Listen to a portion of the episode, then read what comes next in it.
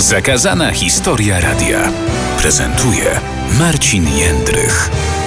Zapraszam na zakazaną historię radia RMFFM ułożoną alfabetycznie.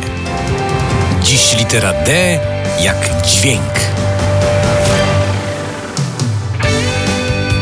Graj tłumem, baw się dźwiękiem. To są legendarne i najbardziej znane zarazem słowa Edwarda Miszczaka, dyrektora anteny RMFFM, które kierował zwykle do tych, którzy mm, mieli za zadanie właśnie jakieś dźwięki złowić albo też w jakikolwiek sposób na antenie te dźwięki wyemitować, po to, żeby to wrażenie dla słuchaczy mm, było jak najlepsze. No bo właśnie dźwięk to jest takie bardzo pojemne słowo, dzięki któremu radio zdecydowanie nabiera kolorów. Ale żeby dźwięk trafił na antenę, a potem właśnie do słuchaczy, no to trzeba się mocno napracować. Taka y, praca nad dźwiękiem składa się z paru etapów, a pierwszym z nich y, oczywiście dziennikarz, reporter wyposażony w sprzęt do nagrywania udaje się w określone miejsce, żeby złowić mikrofonem to, co najważniejsze i najciekawsze. No i o ile na przestrzeni lat y, mikrofony y, właściwie niewiele się zmieniły, można powiedzieć, że właściwie wyglądają tak samo, mikrofon to mikrofon, to urządzenia do nagrywania przeszły wielką metamorfozę.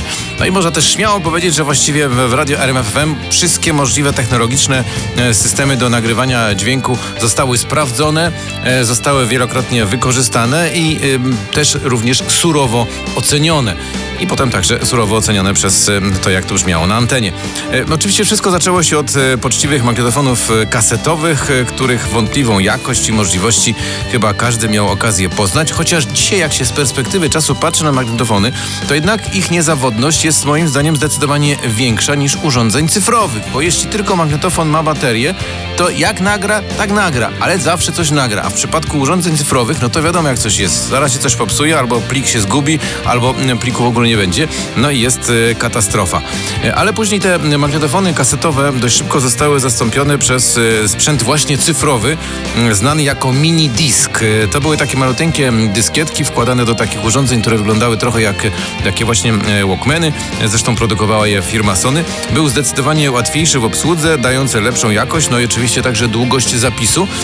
Co więcej, znam kilku reporterów nawet do dziś pracujących, którzy byli mistrzami nawet w montowaniu pewnych dźwięków właśnie w tym urządzeniu na mini disku. To była naprawdę już prawdziwa sztuka, żeby tam pozaznaczać odpowiednie fragmenty, potem to powycinać, potem to skleić. No ale oczywiście potem zostawał jeszcze ten jeden etap e, najważniejszy, czyli z tego mini diska trzeba było to e, wrzucić gdzieś do systemu emisyjnego, czyli po prostu przegrać to z e, mini diska albo w ostateczności czasami nawet odtworzyć, chociaż myśmy bardzo rzadko odtwarzali dźwięki z mini disków, również z tego powodu, że mimo, że te dyski były gwarantowane jako możliwe do wielokrotnego zapisu, zapisu, to czasem jednak były zawodne. E, ten e, mini disk przez wiele lat był niezastąpionym orężem e, reporterskim, ale dopiero tak naprawdę w XXI wieku wraz z błyskawicznym postępem technologicznym ustąpił miejsce rejestratorom dźwięku wyposażonym w pamięć typu flash, taką jak do dzisiaj znamy, która umożliwia błyskawiczne przegranie materiału do komputera i jego montaż. To był prawdziwy przeskok, właściwie od tego momentu zaczęła się już taka w 100% cyfrowa era radia, bo wcześniej jednak tych po drodze analogowych schodów było dużo. Jeśli dźwięk był, to nawet jeśli był nagrany na magnetofonie kasetowym albo na minidisku, no to potem jeszcze właśnie musiał trafić na antenę i trzeba było jakoś go tak przygotować po to, żeby dobrze brzmiał. Bo też nie zawsze dało się ocenić, czy jakość dźwięku na kasecie, czy też nawet na minidisku jest na tyle wystarczająca, że on potem na antenie po prostu się obroni. I właśnie tutaj wracamy znowu do tego słynnego zdania e, Edwarda Miszczaka, czyli graj tłumem, baw się dźwiękiem. Tu chodziło właśnie o to, żeby po prostu się bawić, żeby ten dźwięk był na tyle realistyczny, i e, wiarygodny, żeby każdy, kto jest po drugiej stronie radia, wiadomo, że radio to teatr wyobraźni, był w stanie od razu sobie e, to wszystko jakoś w głowie poukładać, gdzie jest ten reporter, gdzie ten dźwięk został nagrany, co tam się wydarzyło, jak ta sytuacja ma miejsce. Dziś mam wrażenie, że trochę już jakby jakość dźwięku nam spowszedniała i nie zwracamy na to aż takiej uwagi. Mm, kiedyś zresztą e, przecież jednym z ważniejszych elementów radiowego pejzażu były reportaże, w którym każdy dźwięk, każdy element liczył się bardzo. Chodziło o to, żeby to wszystko pięknie poskładać, żeby z tego wyszła jakaś e, zamknięta całość. I co istotne, e, wtedy można się było naprawdę kłaniać nisko i dzisiaj też zresztą tym, e, którzy mm, przed laty robili mistrzowskie dźwięki, pracując wyłącznie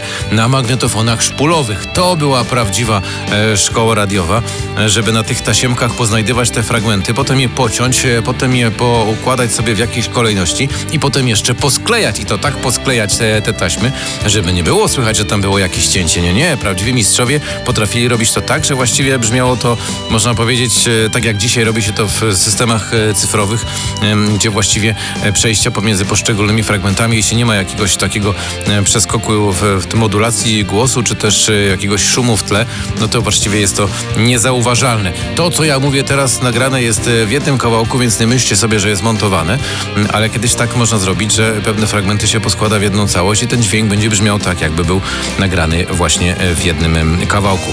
E, Trzeba pamiętać oczywiście o tym, że e, dźwięk e, w radiu pełni rolę przede wszystkim informacyjną, czyli ma być czymś w rodzaju uzupełnienia informacji, o której mówimy na antenie, ale czasem też dźwięk jest wsparciem dla prowadzącego, dla dziennikarza, po to, żeby w jakiś sposób mu umożliwić opisanie historii, o której akurat na antenie opowiada. Czy to są jakieś fragmenty rozmów, czy to są wywiady, czy to są spotkania z ludźmi, na przykład nawet na e, ulicy. Chodzi o to, żeby ten dźwięk stanowił pewnego rodzaju m, wspornik dla tego, o czym się mówi na antenie. I zresztą często się nawet mówiło tak i e, chyba do dzisiaj ta e, historia pozostała, że taki dźwięk czasami krótki, a treściwy bardzo ubarwia i ubogaca antenę.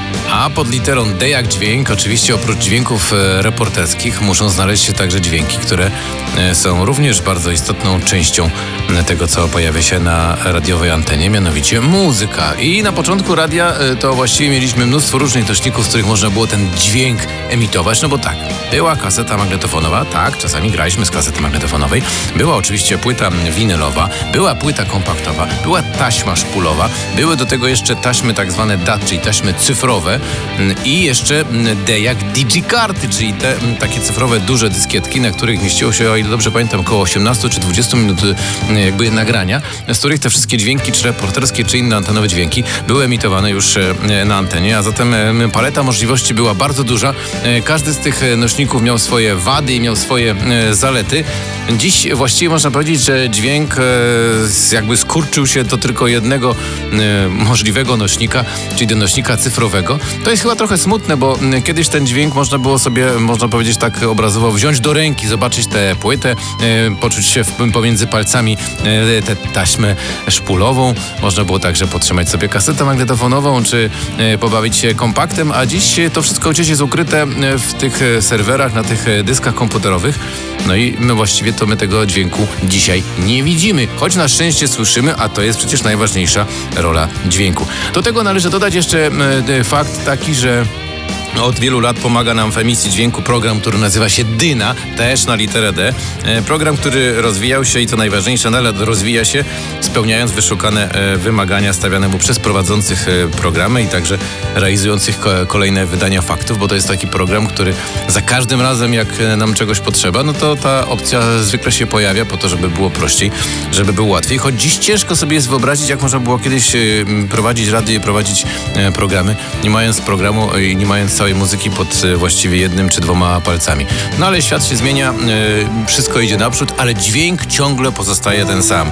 I to, co chciałem powiedzieć na koniec e, tej części naszej radiowej historii, to, że dziś łowienie dźwięków jest naprawdę bardzo proste. W bazach muzycznych są przecież miliony dźwięków, miliony piosenek, każdy może sobie dobierać własne playlisty i słuchać tego, czego chce, ale to ciągle radio jest królem dźwięków.